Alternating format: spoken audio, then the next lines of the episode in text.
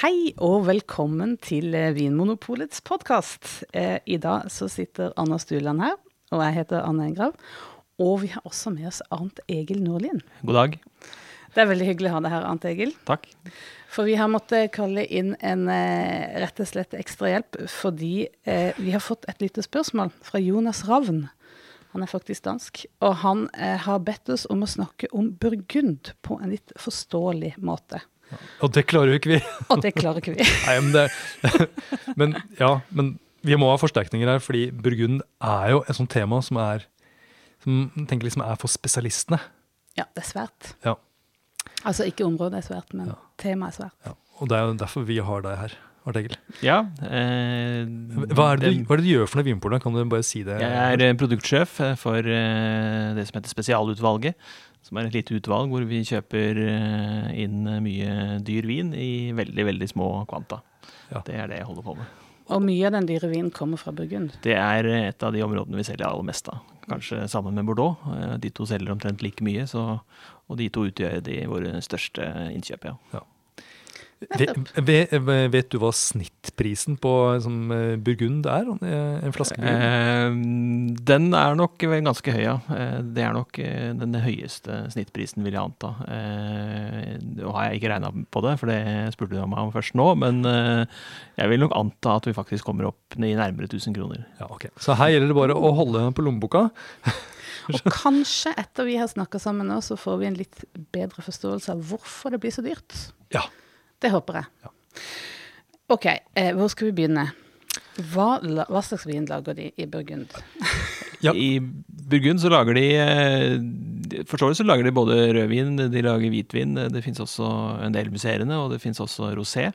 Eh, og eh, mye av eh, ja, Det mest kjente vinen er jo laget av rødvin av eh, pinot noir og eh, hvitvin av chardonnay. Eh, hvis vi zoomer helt ut og tar eh, liksom hele regionen Burgund, eh, så vil jeg vel egentlig dele regionen i fem deler. Hvis vi da begynner helt i nord, så er det jo én bit av Burgund som ligger ganske mye lenger nord enn resten av området, og det er jo da Chablis, som også regnes som en del av Burgund. Og her eh, lages det jo stort sett hvitvin da, av, eh, av, også av chardonnay. og Det finnes også faktisk litt grann, eh, Sauvignon Blad. Eh, men eh, hovedsakelig også her eh, kun chardonnay. Og så Hvis vi går nedover, så er jo neste, neste hovedbolken av disse fem hovedbolkene er jo da det som heter Côte d'Or, eller som veldig mange kaller Sentralburgund. Eh, som da ligger mellom Dijon og, og ja, litt sør for Bonn, går det jo. Eh, og dette er jo det området hvor, hvor prisene er høyest og de mest ettertraktede vinene er fra. Nettopp. Så du regner det altså Côte d'Or eller Sentralburgund som en av disse fem delene som du snakker om. Ja, det er det. Og sør for, eh, sør for Côte d'Or så kommer vi jo da til det som heter Côte Chalonnet. Eh, som eh, også lager eh, stort sett eh, da rødvin av pinot noir og hvitvin av chardonnay, samme som Côte d'Or. Og sør for der igjen så kommer det det man da kaller Maconet, som ligger rundt denne byen som heter Macau. Eh, og de samme vinene produseres også her. Og helt i sør så har du Beaujolais, som også er, en, er å regne som en del av eh, Burgund. Her eh, lager man igjen hvitvin, eh, ikke så veldig mye, men bitte litt hvitvin, og da brukes også chardonnay. Mens, eh, mens for rødvinenes del så er det jo denne druen som heter gamay, som brukes eh, i Beaujolais.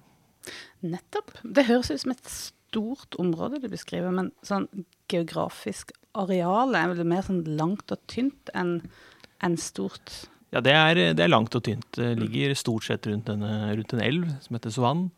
Eh, bortsett fra, fra Chablis, som ligger litt for seg selv, eh, litt eh, lenger vest og, og ganske mye lenger nord.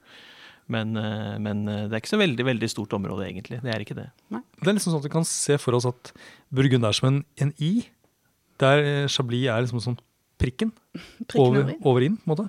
Ja, ja på siden, men Litt på siden, ja. Litt, en prikk på snei. ja, litt, eh, litt eh, fort tegnet prikk som ikke jeg tror på helt rett over i-en. Hvor- langt er det fra Chablis til liksom, Sentralburgund? Eh, liksom, Hvis man skal kjøre bil, er det Det er, altså, hvis du tar, tar fra Dijon, da, som jo er det, liksom, det nordligste punktet i, i, i, i Cotor, så, så skal du bevege deg en ja, nest, ikke, ikke fullt ti mil, men nesten ti mil for å komme til Chablis. Ja. Så en Ja. liten time i bil, da. Ja, Det er et stykke. det er et stykke. Ja. Um, Ok, og, og vi, er helt, vi er på en måte i innlandet av Frankrike. Vi er langt unna kysten. Det er langt unna kysten. Vi er eh, langt i innlandet, ja. Eh, og eh, det er klart hvis du er i Macau, så er det ikke så veldig langt opp mot uh, f.eks. Genéve og Mont Blanc. Så, så, vi er på vi, er liksom beveget oss litt på flatlandet, der hvor fjellene slutter. Det er heller ikke så veldig langt det, den vinregionen som heter Jura, som ligger Eller Jura, som det vel heter på, på fransk. Som også er litt, litt mer fjellområde. Men uh, Burgund ligger i et litt lavlandsområde. Uh, og det er jo da særlig denne åssiden, som er Côte d'Or. Det er jo en ås, og langs denne åsryggen, som jo egentlig vender litt østover, så, så, så, så, er det der du finner de, de beste vindene. Ja, Skal vi da konsentrere oss om det som vi kaller det eller Sentralburgund? For jeg tror det er det når mange snakker om Burgund, så tror jeg det kanskje er den biten ja. man tenker på. Ja, det tror jeg du har rett i. Så vi, vi, forholder oss da til sentralbyggen. Men skal vi ta med oss sånn som uh, Chardonnay og, og Maconet? Eh, vi, vi, kan godt uh, snakke litt om uh, Cotor, og så vil det nok være naturlig etter hvert å også begynne å nevne noen av de andre regionene. og Det, skal, det kan jeg jo komme litt tilbake igjen til. Ja. Men, uh, men, et utgangspunkt er alltid denne, denne åssiden som man kaller Kotor. Da. Ja. ja, for det er liksom ikke noe spektakulært med denne åssida. Jeg har vært der. Har vel... Nei, jeg har ikke vært der. Du har ikke vært der, nei. Arnt Egil, du har vært der. Jeg har vært der ganske mange ganger. Du er der flere ganger i året, kanskje? Eh, minst én gang i året, ja. ja. Mm. Og, og er, den er ganske sånn en beskjedent landskap, ganske flott, som du sier, med en liten sånn helning eh, oppover langs denne åsen. Det går en helning oppover, og det beveger seg et godt stykke oppover. Og så har du jo da en dalbunn, og en, helt nederst så ligger det jo også en elv. Eh, og det det mest spektakulære er jo kanskje det du ikke ser. Det er jo det som er under, under, eh, under bakken. Eh, for det har jo da over tid så er det jo eh, deler av dette jordsmonnet som på en måte har seget nedover denne åssiden. Og da er det gjerne slik at det, det, hva skal jeg si, det beltet som er mest interessant kvalitetsmessig, vil alltid være den som ligger omtrent midt på åssiden. Ja, så Her ikke helt oppe ved, ved, ved, trærne helt på toppen, så ikke helt oppe ved trærne, men midt på, ja. og før det blir flatt igjen. Her vil det ofte være eh, mindre næring, altså det vil ofte være kort, eh, mindre topp, toppsoil, altså du kommer fortere ned til, til den steinete grunnen. Eh, og som gjør at eh, vinstokkene her vil ofte, ofte rett og slett lide litt mer. Altså de må kjempe mer for å, for å få tak i næring. Grave røttene dypere og eh, Ofte så får de lavere utbytte og høyere konsentrasjon akkurat i dette området. Så, så de vinene som har den høyeste klassifiseringen i, i kvalitetshierarkiet, vil alltid komme sånn cirka fra midt på dette, denne åssiden. Og denne åssiden, den går hele Sentralburgund? Den går hele Sentralburgund, mm. det gjør den. ja. Så nevnte du nå altså kvalitetshierarkiet. Ja. Kanskje vi skal, uh, skal vi gå, ja, for, snakke litt om det, da? Ja, for for det er vel egentlig kvalitetshierarkiet i Burgund som er på en måte modellen for kvalitetshierarki i fransk vinlov? Ja, det, det, er jo litt variabelt enkelte steder, men, men eh, det, det, vi kan si om, om, Burgund, er at her har vi en, det vi kaller en, altså en vinmarksklassifisering. Vil si at man har tatt uh, vinmarkene og klassifisert i etter kvalitet. da etter opplevd kvalitet. Dette er jo et arbeid som har pågått uh, i mange hundre år. og uh, det var jo i eldre tid gjerne munker da, som, som, som, fant ut hvor de beste vindmarkene var. Og, og eh, gjennom de tidige liksom, arbeid og smaking så, så, så, fant de dette ut og, og, ga all kunnskapen videre til neste generasjon av munker. og vi ser jo etter hvert at, at, det arbeidet de gjorde og den forståelsen de hadde, har, stemmer veldig godt overens med, hvordan vi også oppfatter eh, kvaliteten i dag. Det gjør det. Og det er vel også noe med hvordan man eh, faktisk kan måle noen geologiske undersøkelser og kan på en måte vise at her er det faktisk noen forskjeller mellom disse ulike vinmarkene, eller? Det kan vi delvis, i hvert fall. Mm. Eh, og så er det nok mye sensorikken i bildet. Ja. Det er det nok. Eh, hvordan man oppfatter ting. Men, eh, men det, er, det, er, som jeg sa, at, eh, at eh, det, det, er noe spesielt akkurat med de, de vindmarkene som ofte ligger sånn cirka midt på denne åsryggen. Går man lenger ned, så vil det ofte være mer, mer toppsoil, og, og vinene blir ofte litt kraftigere og, og litt mer enkle i stil, mm. veldig ofte. Mens hvis man kommer for høyt opp, så blir det gjerne ofte litt kjølig. Men det er jo et et, ganske kjølig område, er det ikke det? Sånn at, eller det er fare for frost på våren eh, en del år? Det er det ganske mange år, bare tenker, eh, ja. og særlig de siste årene så har det jo vært eh, veldig mye frostskader. Eh, det er jo en, eh, en eh, kanskje litt sånn motsatt reaksjon på, på, på global oppvarming. Fordi at når, når det, det blir global oppvarming, så kommer jo våren tidligere i gang. Det vil si at vinplantene de opplever at eh, til og med i februar at, eh, og mars at det er såpass varmt at de begynner å, begynner å produsere eh, og sette, sette i gang og, og begynner å leve.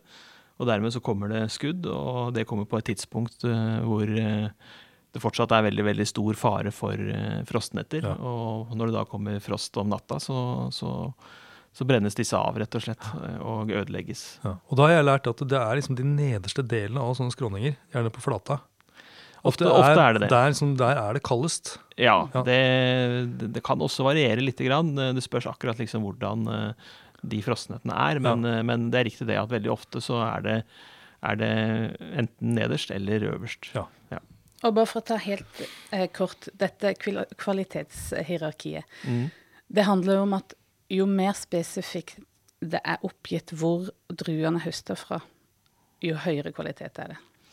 Ja, eh, det er det. Det er jo enkelte vinmarker som også er eh, eh, delt inn i to forskjellige kvalitetsnivåer, men vi kan jo ta hele hierarkiet. Ja, ja. Eh, hvis vi begynner nederst, så har du det man kaller Bourgogne Rouge eller Bourgogne Blad. Dette er jo rett og slett altså en regional eh, kvalitetsnivå. Det vil si at eh, Det kan komme fra hele Burgund. det kan i utgangspunktet komme fra hele Burgund. Også Macau.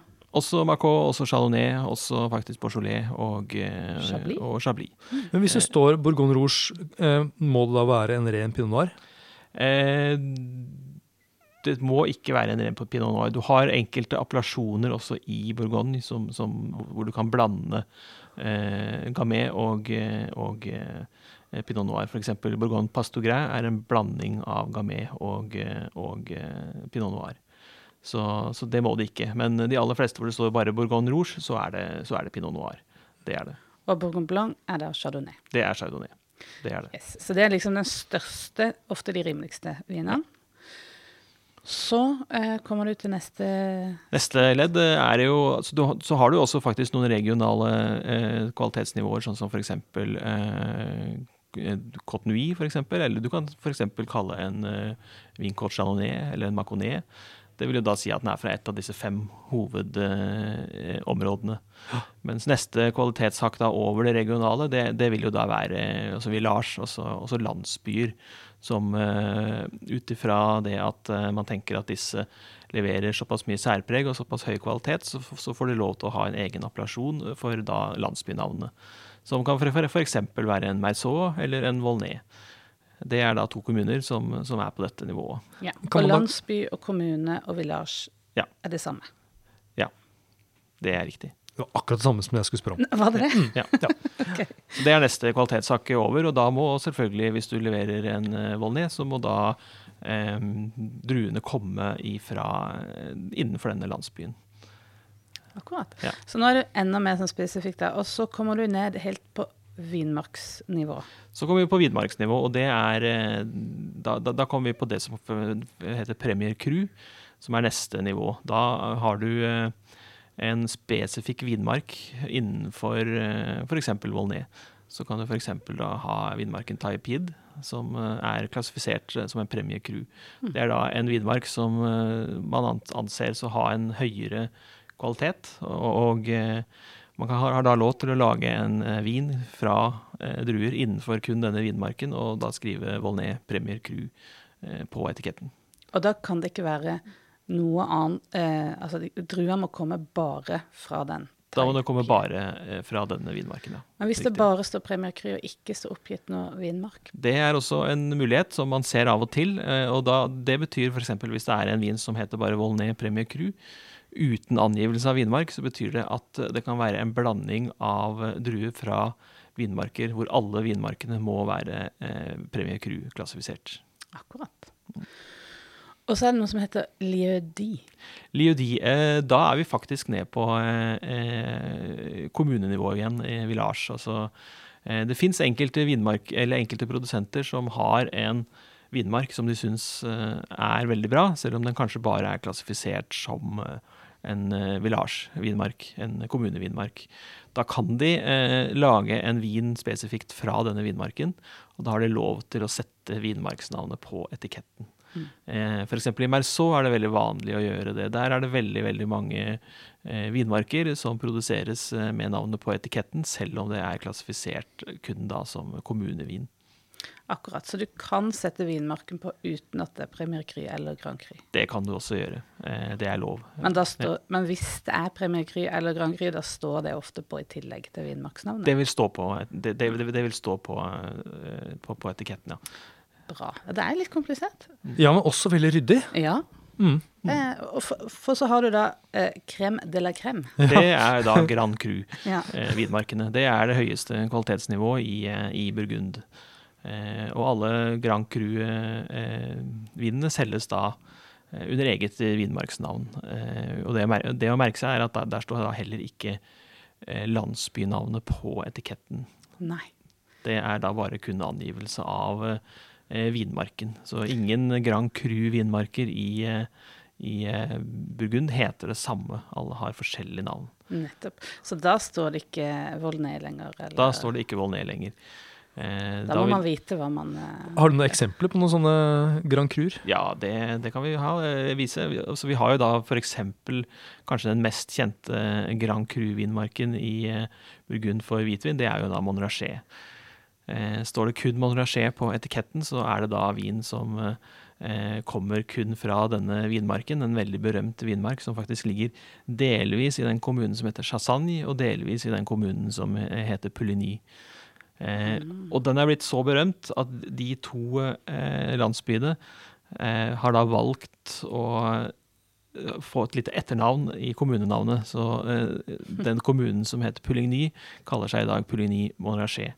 Og den kommunen som heter eh, Chassagne, kaller seg i dag Chassagne Monrachet. Ja, akkurat. De smykker seg litt De har med seg litt. dette her. Og det, det, dette kan vi se videre også. Vi har f.eks. den kommunen litt lenger nord som heter Chambol, som er veldig kjent for, eh, for eh, rødvin. Den aller beste vinmarken eh, for eh, rødvin i Chambol-Musigny er da den vinmarken som heter Musigny. Og dette navnet har jo da, de også da tatt inn i, inn i kommunenavnet. Er det det samme for Chambertin og Det er igjen det samme for Chambertin. Ja. Det, ganske, det er litt viktig å kanskje da tenke, huske at hvis du drikker en vin det står Chassagne Monrachet på, så drikker du en kommunevin.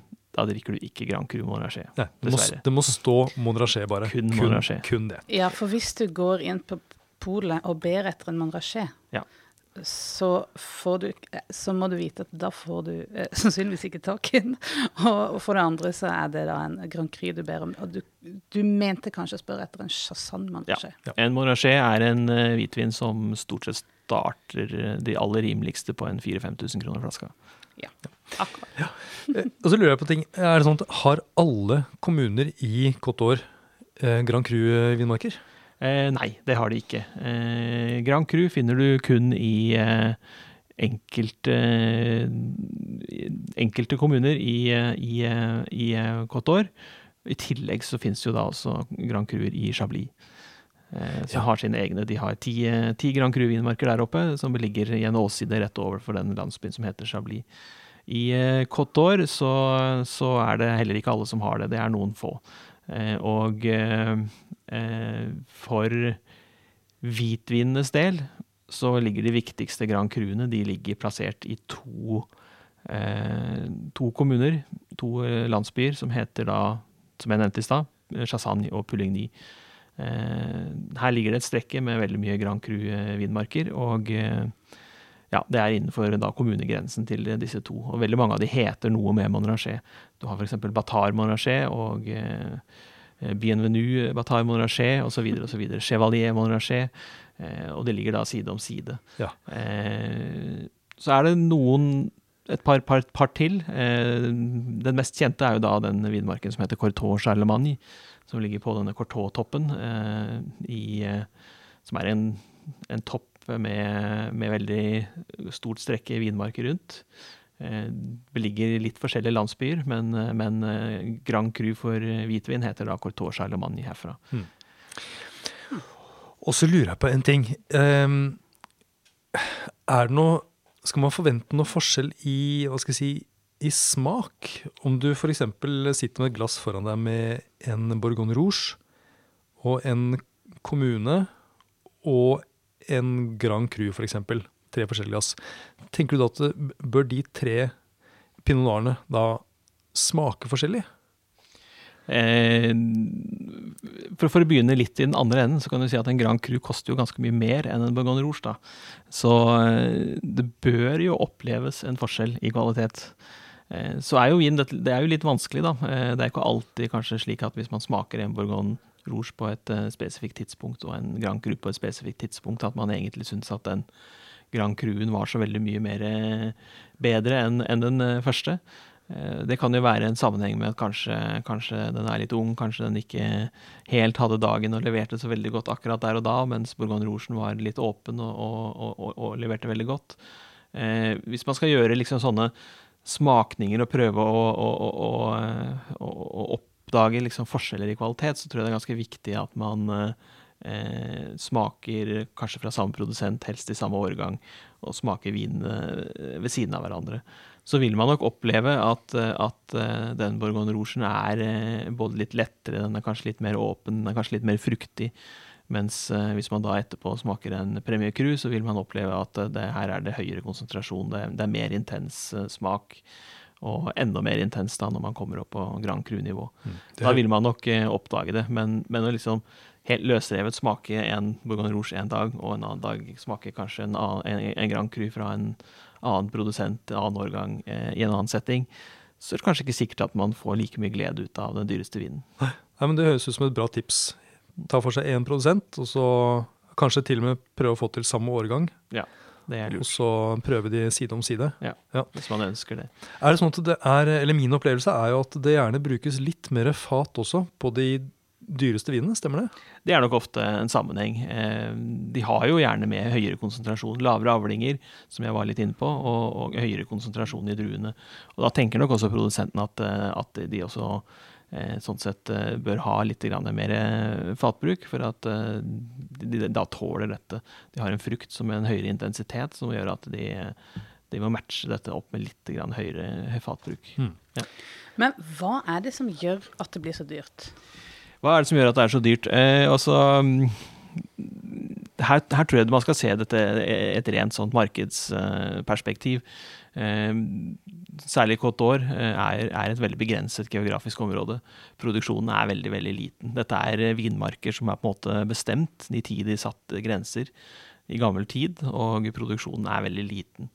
I tillegg så, så, er eierstrukturen ganske splittet opp, og sånn at enhetene er ofte veldig små. De fleste produsentene eier veldig lite vinmark i hver eh, Eller veldig få druer i hver vinmark. Og, og, produksjonen blir liten. Samtidig så opplever vi i dag at etterspørselen er enorm, og den er økende. Eh, og disse kan ikke produsere mer. Det er, eh, grensene er satt, og, og, produksjonen kan ikke økes. Dermed så, så, så, er vi i en situasjon hvor eh, det er veldig, veldig lite vin som tilbys, og veldig, veldig mange som ønsker å kjøpe denne vinen. Og det presser prisene selvfølgelig oppover. Eh, og det, det er en ting med Burgund, slik det er blitt. Det er vanskelig å få tak i, og, og det er eh, høyere og høyere priser. Stadig høyere priser. Eh, og det, det, er også vanskelig for produsentene, faktisk. Eh, de, på en måte så må de jo henge med litt på denne prisspiralen. Vinmarkene blir jo også mer verdt, og det er ofte høyere avgifter etter hvert å, å drive disse vinmarkene. Og de er nødt til å ta høyere priser.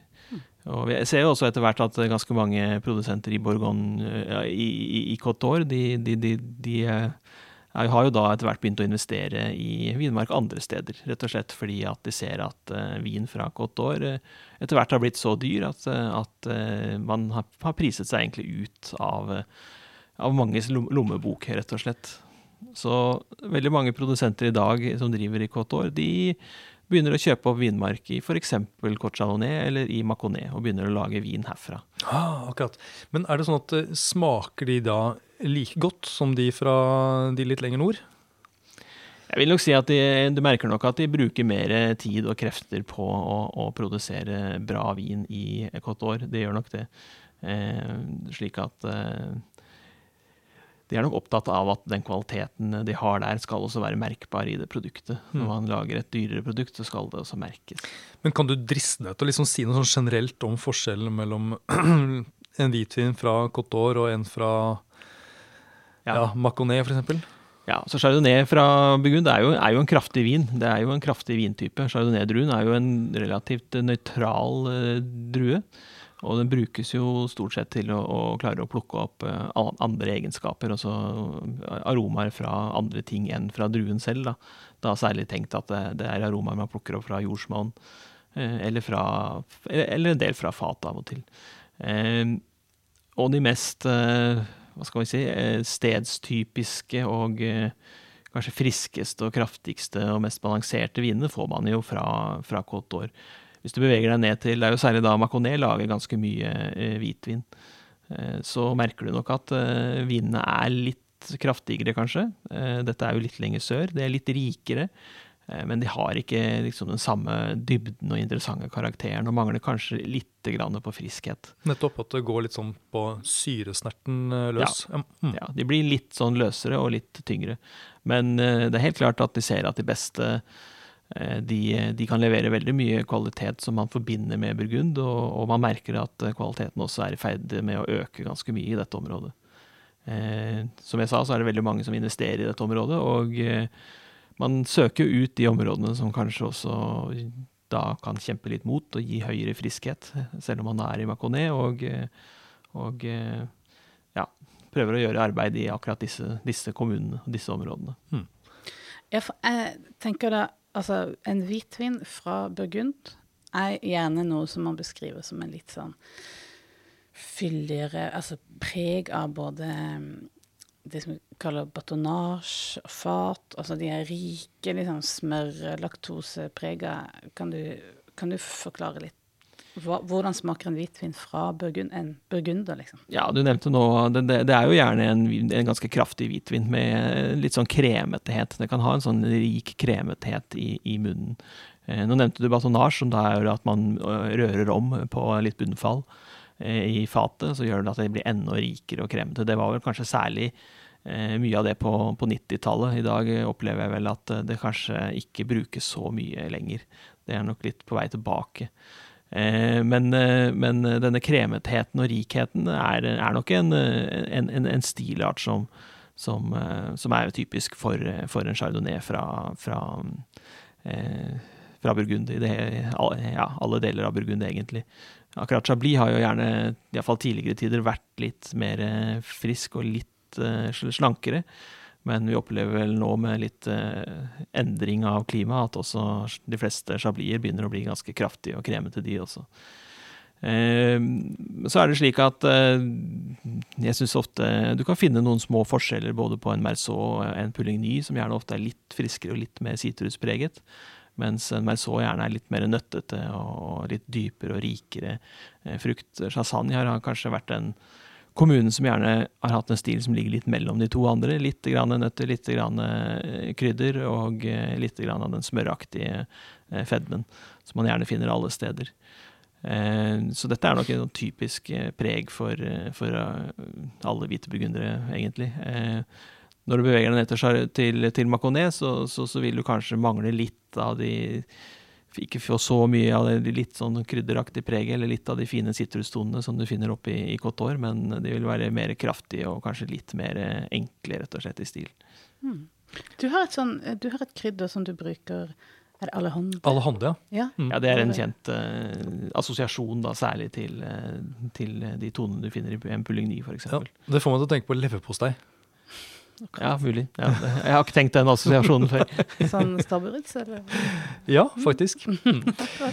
Men eh, ja, det er de hvite, altså chardonnay-baserte burgundere. Men eh, hva er liksom det typiske? Hva er det som er så deilig med de røde? De røde burgunderne er jo eh, først og fremst kjennetegnet med å ha veldig flott parfymerte aromaer. Som man kjenner særlig på, på, på nesen. Da. Det, en, en pinot noir er jo en, en, en vin som, eh, som Når man smaker den, så er den relativt lett. Den er relativt frisk og lett. Og eh, ganske rund og behagelig i, i munnen. Den er, kjennes jo mye lettere ut enn f.eks. en rånvin, en syravin eller en bordeauxvin. så, så, så, så er det en helt annen smaksintensitet og, og, og, en smaksvekt, rett og slett, når man uh, smaker en pinot noir. En pinot noir handler vel mye om aromaer, gjør det ikke det? Det handler mye om aromaer, det gjør det. Eh, og særlig kanskje de siste årene også, så har det vært veldig fokus på å ha veldig eh, flotte florale toner med veldig mye høytoner og mye parfyme. Eh, det, det, det, har vel vært en sånn trend også de siste 10-15 årene, å, å framelske litt denne, denne stilen. Mm.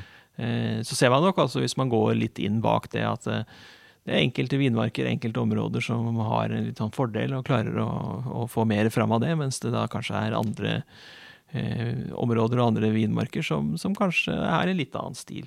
Eh, F.eks. Cortot, eh, som jo kanskje har mer sånn skogbunnstoner. Litt mindre parfyme, en litt mer krevende stil. Eh, syrligere og fastere og mer tanniner. Og ofte kanskje også trenger mye lengre lagring. Mm. Disse par parfymene, altså blomstene, er det sånn type sånn fiol, roser og ja, roser kanskje mest. Ja. Roser mest Litt anis kan det være. Ja. Og så er det også ofte mye bringebærtoner.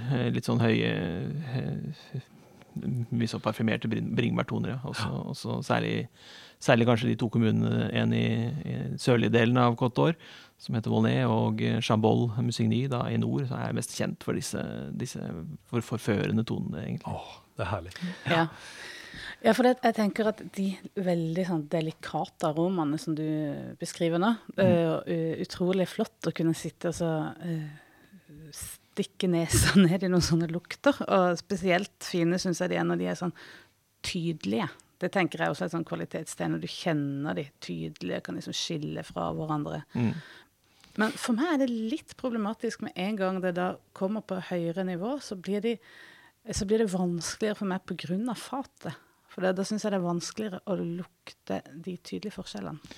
Ja, altså, Disse tonene som du beskriver nå, er jo egentlig en en side av burgunder som er en Hva skal vi si? Det, det, det er noe man har i en, en viss uh, alder, en viss tidspunkt. Særlig ganske, når de er ganske unge. Eh, og da, da, kan det godt hende at du, du finner de mest tydelige, iallfall når de er helt ferske, i, i de litt lavere kvalitetene. Eh, mens i de høyere kvalitetene så vil kanskje de tonene komme litt seinere i, i, i, utviklingen, da. Mm. Eh, ellers er jo burgund, eh, pinot noir-druen er jo en vanskelig drue. Eh, den er krevende, og eh, den er også krevende for drikkeren. Altså, jeg må jo si at eh, jeg tror for de aller, aller fleste vinelskere, så de aller største opplevelsene man har, er gjerne med en pinot noir. Problemet med pinot noir er at det er, det er ikke så alltid så ofte at de leverer. Det, det, det er mange skuffelser innimellom. Det er en drue som gir deg mange skuffelser i livet, rett og slett. Den uh, gir deg de største opplevelsene, men, uh, du, og du bruker kanskje resten av livet ditt på å prøve å finne tilbake igjen til disse store opplevelsene, men Og betale gjelda. det er, uh, bare, er, bare, innimellom at, at, at, den er, at, den klarer å levere det du, det, det du håper på, dessverre. Jeg liker det godt. Og pinot noir er også slik at hvis den først når modningstidspunktet, så kan det gå ganske kort tid før den begynner å bli for gammel. Uh, av og til så kan det faktisk være snakk om bare måneder. Ja, Da snakker du om modning i flaska? Da snakker jeg om modning i flasken, ja. Du venter på den og venter på den, og så når den toppen, og så seks måneder etterpå så er den faktisk i ferd med å dø. Det kan skje med pinot noir. Eh, oh, som en sjelden blomst. Ja. Eh, Helt motsatt av Bordeaux. Bordeaux er eh, vinverdens golden retriever. Den leverer alltid masse glede. Pinot vet du egentlig aldri helt hva du får. Også det er litt som en litt sånn nervøs mynde, kanskje. Det er, eh, ja, det er derfor du nesten ser at alle Hvis du møter folk som er veld, veldig opptatt av burgund, så kan du være ganske sikker på at de er gans, ganske fulle av angst. men, men Art Egil, altså kan du huske liksom første gangen du fikk øynene opp for uh, burgundere? Hva var det som, som Ja, jeg, jeg, gjør jo det. Og det er jo ja, mye av dette vi snakker om nå. Altså den friskheten og de der uh, ordentlig flotte aromaene. Og, og når det liksom treffer deg, så så ønsker du jo bare å liksom oppleve det igjen, altså, og, og, og, komme tilbake dit, liksom, i dette her eh, ordentlig deilig. Og hva er det du går etter da? Er det produsenten, er det årgangen, er det kommunen, er det vinmark? Altså hva er det liksom du tenker er nøkkelen for å, å gjenskape øyeblikket? Jeg skulle ønske jeg kunne, kunne, svare helt spesifikt og nøyaktig på det der, eh, ikke minst for min egen del, men eh, Det er ikke alltid at det treffer, men det er klart det er jo, det, det er jo noen, noen, ting, da. Eh, man finner jo selvfølgelig noen produsenter man føler leverer veldig godt, og som klarer å skape de virkelig store burgunderne. Eh, og så er det enkelte vinmarker også eh, som, man, som, man, liker veldig godt. jeg må nok også si at jeg hadde kanskje en periode hvor jeg gikk veldig etter disse aller, aller mest forførende, men akkurat nå så, så har jeg altså kanskje blitt glad i burgund på en litt annen måte.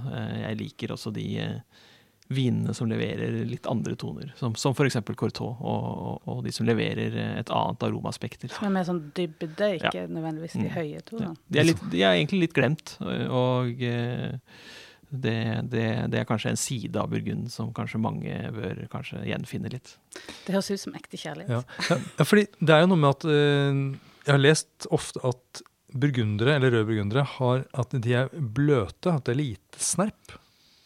Tenker du at det stemmer? Altså, tenker Sånn som Corton-vinen, som du beskrev som faste. Mm. Altså, jeg syns ikke det. Det, det. det, er klart det er ganske mange burgundere som er De er ganske syrlige, de er ganske friske. Men eh, de, de, har ikke nødvendigvis så veldig mye tanniner. De er ganske lette på, det, på, på akkurat det, det, området. Eh, de er jo mer drevet av frukten og, og, og syrligheten, men, eh, men det fins absolutt ganske mange burgundere som er litt motsatt. Jeg nevnte Courtois det er jo en del Grand Cruer også som ikke er så veldig forfinet av seg, eh, særlig hvis du går opp i Moret Saint-Denis, f.eks. Bon Mar. Eh, eh, særlig da Moret-siden av Bon Mar og Clos Saint-Denis og disse vinmarkene. Eh, leverer ikke så veldig forfinet vin, egentlig. De er mer kraftige og, og trenger ofte ganske mye tid. Chabertin f.eks. også er eh, en kraftig vin som ofte trenger tid. Og Hvis du da er så heldig at du har f.eks. en Premier Cru eller til og med en Grand Cru hvor lenge tenker du at den kan ligge i kjelleren? En ordentlig chambertin fra en god årgang eh, som er godt laget, eh, så, så, tenker jeg at 20-30 år er ikke noe problem. Altså. Ja. Og for eh, oss som da har litt mer eh, ikke så elastisk økonomi um, Har du noen sånn tips til noen litt sånn ukjente områder i Burgund der man kanskje kan få eh, en, en smak, i hvert fall, av Burgunds storhet uten å måtte betale så fryktelig mye? Det har jeg. Eh, det skjer jo veldig mye i Burgund for tiden. Som jeg sa, så, så er jo prisene på kanskje de mest berømte og de mest kjente kommunene blitt veldig, veldig høye etter hvert. Og det gjør at, at, det, at det skjer en At man leter rett og slett etter andre områder og, og produserer mye, mye bedre vin fra eh, tilliggende områder, får vi si. Også ser vi at det er flere og flere kommuner i i Coteur, som man eh, kanskje tidligere ikke tenkte så mye på, som leverer veldig veldig bra vin. Eh, naboen til Volnay, f.eks., som heter Monteli, som ligger litt høyere. Eh, tidligere litt for kjølig, men eh, nå er jo klimaet slik at det blir varmere og varmere. Leverer ofte veldig, veldig bra eh, kvalitet for prisen. Og Sydires, eh, som ligger, over Monteli igjen. man går litt lenger nord, og man finner kommuner som Fissin og Marsanet. Eh, som også er kjent for rosévin, faktisk. Eh, og Fissin, det skrives fiksin? Fiksin, ja. Mm. det er riktig. Eh, dette er jo også da kommuner som, som kanskje er litt glemt, men, men, som man ser at mange av de gode produsentene etter hvert de, de kjøper opp vinmark her og, og, produserer viner som er priset litt lavere. Og så er det også, som jeg nevnte, at det er jo flere Eh, av disse produsentene som også nå ser, ser mot, uh, mot, områdene lenger sør, særlig da, eh, med Côte Chalonnet og, og også Maconet. Mm. Så det skjer en veldig stor utvikling her, og det finnes veldig, veldig mange gode kjøp i disse litt, litt mindre kjente eh, kommunene. Og jeg vil nok si at eh, i framtiden så blir det nok, tror jeg nok at det blir slik at eh, en god del kommuner som vi før egentlig ikke kunne så mye om, eller egentlig tenkte så mye på. Eh, som Mercuré, f.eks. Chivry i Chalonnet. Eh, kanskje mange egentlig ikke har noe forhold til. Mm. Det tror jeg nok eh, vi kommer til å få et forhold til framover. For det produseres veldig mye bra vin herfra nå, og de koster ikke så veldig mye. Ikke ennå. Men Sånne områder som Eller kan du forklare Otcot Åttkott. Ja. Håkott. Det er eh, Da er vi tilbake igjen i, eh, i, eh, i, i Kottår. Og det, altså det, betyr jo også den øvre delen. Så dette er Vidmark som ligger egentlig på toppen av åsen. Ja. Eh, som også da er kjøligere. Og det er en appellasjon som også er regional for Côte d'Or. Côte d'Or deler du jo gjerne inn i to deler. Det er jo Côte Bonne og Côte Nuit. Etter disse to byene, Bonn og Nuit Saint-Georges. De har også tatt navnet etter den kjente vinmarken i byen, som heter Le Saint-Georges. Eh, Oppå toppen av disse to delene av Côte d'Or så, så, så, så, dyrkes det ganske mye druer. Og eh, de kan man da kalle Håkåt de Nuit eller Håkåt de Bonne. Ja, og da følger det ikke noen landsby eller noen vinmarks? Det er en regional eh, appellasjon, ja. Det er riktig. Er det også sånne appellasjoner det er mulig å finne litt gull i? i det er absolutt mulig årganger? å finne litt gull der, ja. Særlig da kanskje i årganger som er litt varme, så, så, så kan det være lurt å, å, se litt på disse områdene. Har det vært noen varme årganger nå i det siste? Eh, 2018 er en varm årgang. 2015 er en, er en varm årgang. Så det er sånne åttkott-årganger? Det er det helt klart. Ja. Mm. Det var et godt tips. Ja, det er et bra tips. Ellers så har jeg lagt merke til at noen ganger på eh, burgunderetiketten så kan det stå f.eks. monopol. Og det ja. har ingenting med Vinmonopolet å gjøre. Eh, men kan du forklare, hva er det for noe? Det betyr ikke at vi er i vinmarken, men ja. det betyr at eh, monopol betyr rett og slett at eh, da står det gjerne etterfulgt etter, en, en, et navn på en vinmark. Og det betyr da at produsenten gjerne eier hele denne vinmarken. Ja. Og det er ganske så, sjeldent i Burgunder? Eh, ikke så veldig vanlig, nei. Nei da. Eh, ikke, det, det, skjer jo innimellom. Man ser det innimellom. Så, så, så det, det, det, skjer. Men eh, de fleste vinmarkene har, eh, har absolutt flere eiere, ja. ja. Og så er det jo et sånt, et sånt, konsept som er vanlig i Burgund, men også i champagne for øvrig. Altså, det er jo negosiant og ja. produsent. Altså, mm.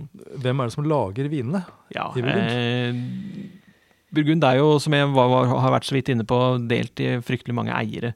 Eh, dette fulgte jo de napolitanske arvelovene, så, så eiendommen ble jo mer og mer splittet. Som gjorde at eh, det blei mindre og mindre enheter.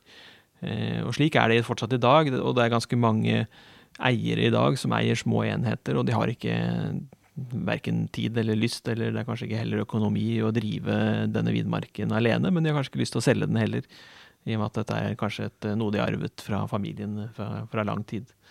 Eh, så det er ganske mange som, eh, som, da eh, rett og slett leier ut vinmarken. Og da kan de selge druene til, til, til andre produsenter. Så det er ganske mange produsenter i Burgund som i tillegg til å eie egen vinmark, også kjøper, kjøper druer fra andre som, som ønsker å selge de. Da, det, kan være, det, kan være, slik at uh, disse folkene ønsker å, å drive vinmarkene selv og selge de ferdige druene, eller det kan være slik at produsenten går inn i vinmarken og også drifter hele vinmarken selv. Det kan være forskjellige måter å gjøre dette på.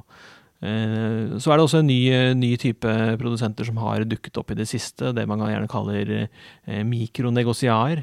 Uh, det, det, er slik at uh, det er fryktelig vanskelig å etablere seg i Burgund i dag. Det finnes jo ikke vinmark å få kjøpt, og hvis det finnes, skulle finnes vinmark å få kjøpt, så koster den forferdelig mye penger. Som gjør at uh, det å etablere seg som en ny produsent i Burgund i dag er bortimot umulig. Men det er jo det er flere da som har klart å, å, å, komme inn og få noen avtaler med enkelte eiere av vinmarker og få lov til å kjøpe bitte, bitte lite grann druer. Eh, og da produserer produsere veldig små kvanta.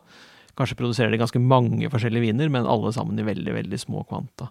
Og denne type eh, mikronegosiar, som vi kaller det, er blitt en ganske stor business egentlig i dag. Det finnes ganske mange av disse som gjør det. De eier ikke noe vinmark, men de kjøper eh, enten druer eller ferdig også vin er også innimellom. Ja, ja for det, det å være sånn stor negosiant, det å kjøpe inn eller på en måte ha avtale med bønder, det er på en måte det er en, en lang tradisjon i Burgund. Ja, det, det, det, gjelder jo ikke bare Burgund, det gjelder jo egentlig hele vinverden. Det var jo sånn det startet, hvor eh, også skillet mellom den som produserte druene og de som laget vinen, var jo mye større før. Og det har jo ikke minst med å gjøre at uh, det å kjøpe produksjonsutstyr var veldig, veldig, veldig dyrt. Uh, de aller fleste druedyrkerne hadde ikke kapasitet rett og slett økonomisk til å, til å lage vinen selv.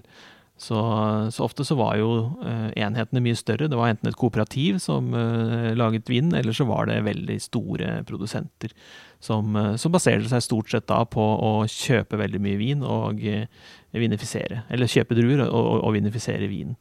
Eh, mens vi ser jo at etter hvert som, som produksjonskostnadene går ned, så, så, er det jo flere som etablerer da seg selv eh, og velger etter hvert å, å, å, lage vinen selv og gi den ut av under eget navn. Men jeg skjønner ikke helt forskjell på kooperativ og negosiant. Ja, eh, Negosia er jo da et privat eh, selskap som, eh, som, eh, som kjøper, kjøper, vin, eller kjøper druer, og produserer da vin av andres druer. Eh, kooperativ er rett og slett en sammenslutning av vinbønder som eh, eier dette sammen og eh, har et team som da vinifiserer eh, de felles druene som kommer inn sammen. Tenker du at det er, eh, at det er noen kvalitetsforskjell mellom vin fra negosianter og eh, de som eier eller, bare eller produsenter som eier vinmarkene selv? Ikke nødvendigvis. I de fleste tilfellene så er det ingen forskjell. Eh, de fleste, særlig produsenter som både har egne vinmarker som de eh, lager vin fra, og eh, kjøper druer, de er veldig opptatt av kvalitet, og de følger gjerne denne prosessen hele veien. Ja. Men det, det, det, hender jo at det er enkelte som Det finnes jo også produsenter som f.eks. lager to forskjellige viner. En fra samme vinmark eh, som de lager fra egne druer, og eh, en fra samme vinmark som de lager da fra kjøpte druer. Og innimellom så kan det hende at man da f.eks. ser at det er en forskjell i kvalitet i den ene, ene retningen. Eh, så det varierer egentlig. Men er det da mulig å se på etiketten om, om jeg står da med en negosiantvin i hånda, eller en, en produsentvin? Det varierer egentlig også. Eh, noen, eh, noen vil f.eks. skrive domen på, på, etiketten hvis det er eh, fra da produsentens egne druer. Mens andre vil kanskje skrive negosia hvis det er fra, fra, hvis det er fra kjøpte druer. Da, som et tegn på at uh, dette er en vin laget uh, som en negosia-virksomhet. -virk det er ingen klare sånne regler for merking? Nei, det er ikke det. Det er ikke det. Det kan variere. Mm. OK. Jeg føler vi har kommet ganske eh, godt inn i det nå. Ja. Men jeg tenker for um, Jonas, som stilte oss dette spørsmålet Hvis du skulle eh, gitt han et tips om hva han skulle begynne med for å forstå Burgund, og da tenker jeg sensorisk, egentlig. Mm. Mm. Jeg ville begynt uh, egentlig med å prøve noe godt år fra et lavere kvalitetshierarki. Finn noen gode produsenter. Uh, prøv uh, Begynn med noe Bourgogne Rouge og noe Bourgogne Blad. og så prøv etterpå noen, noen villasjviner. Ja, så bli kjent med druene først? Ja, bli kjent litt med druene først, og deretter bli kjent litt med de forskjellige kommunene. Eh, særlig kanskje for hvitvin, de trekløveret mellom Chassagne, Pouligny og eh, Merceau eh, er ganske viktig å bli litt kjent med. For Pinot Noir er det kanskje litt flere som er kjente. I, den sørlige delen, i Côte de Bonne, er det gjerne Volnay og Pomar de fleste har et forhold til. Og i Côte Nuit er det gjerne, da gjerne Nuit Saint-Georges, Volnay Nei, Von Romané, mener jeg eh, Chambol Musigny og Chevre Chambertin, som er liksom de fire store kommunene som man, eh, man ønsker et forhold til.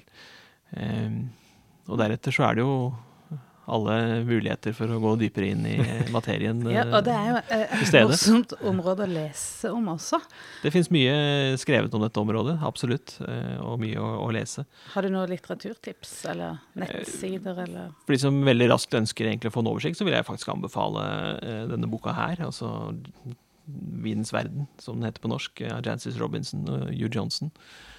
Eh, eller Hugh Johnson, som er den som redigerer disse. Ja. Det, er en, eh, det, her er, står det, jo, det er jo vinkart, og det står jo egentlig om vin fra alle, eh, he, hele verden. Men, men, det er en veldig oversiktlig og, og, og, flott og enkel inndeling i, i, innledning i Burgund.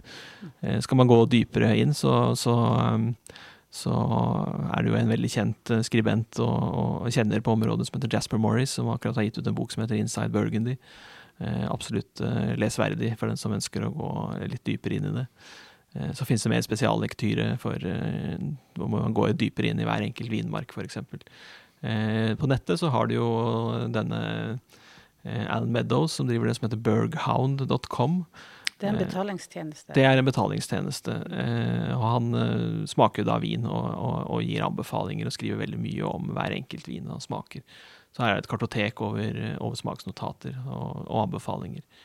Det er et flott eh, nettsted. Bra. Hva tenker du nå, Anders? Jo, jeg, jeg tenker at eh, her er det bare å gi seg i kast. Og så bare håper jeg at um, de som har hørt på, også opplever den derre Ja, eh, det er litt mytisk. Ja, den mytiske opplevelsen av, av pinot noir og chardonnay fra Burgund. Ja, flott. Tusen takk, Arnt Egil. Bare hyggelig. Å, takk til deg, Anders. Jo.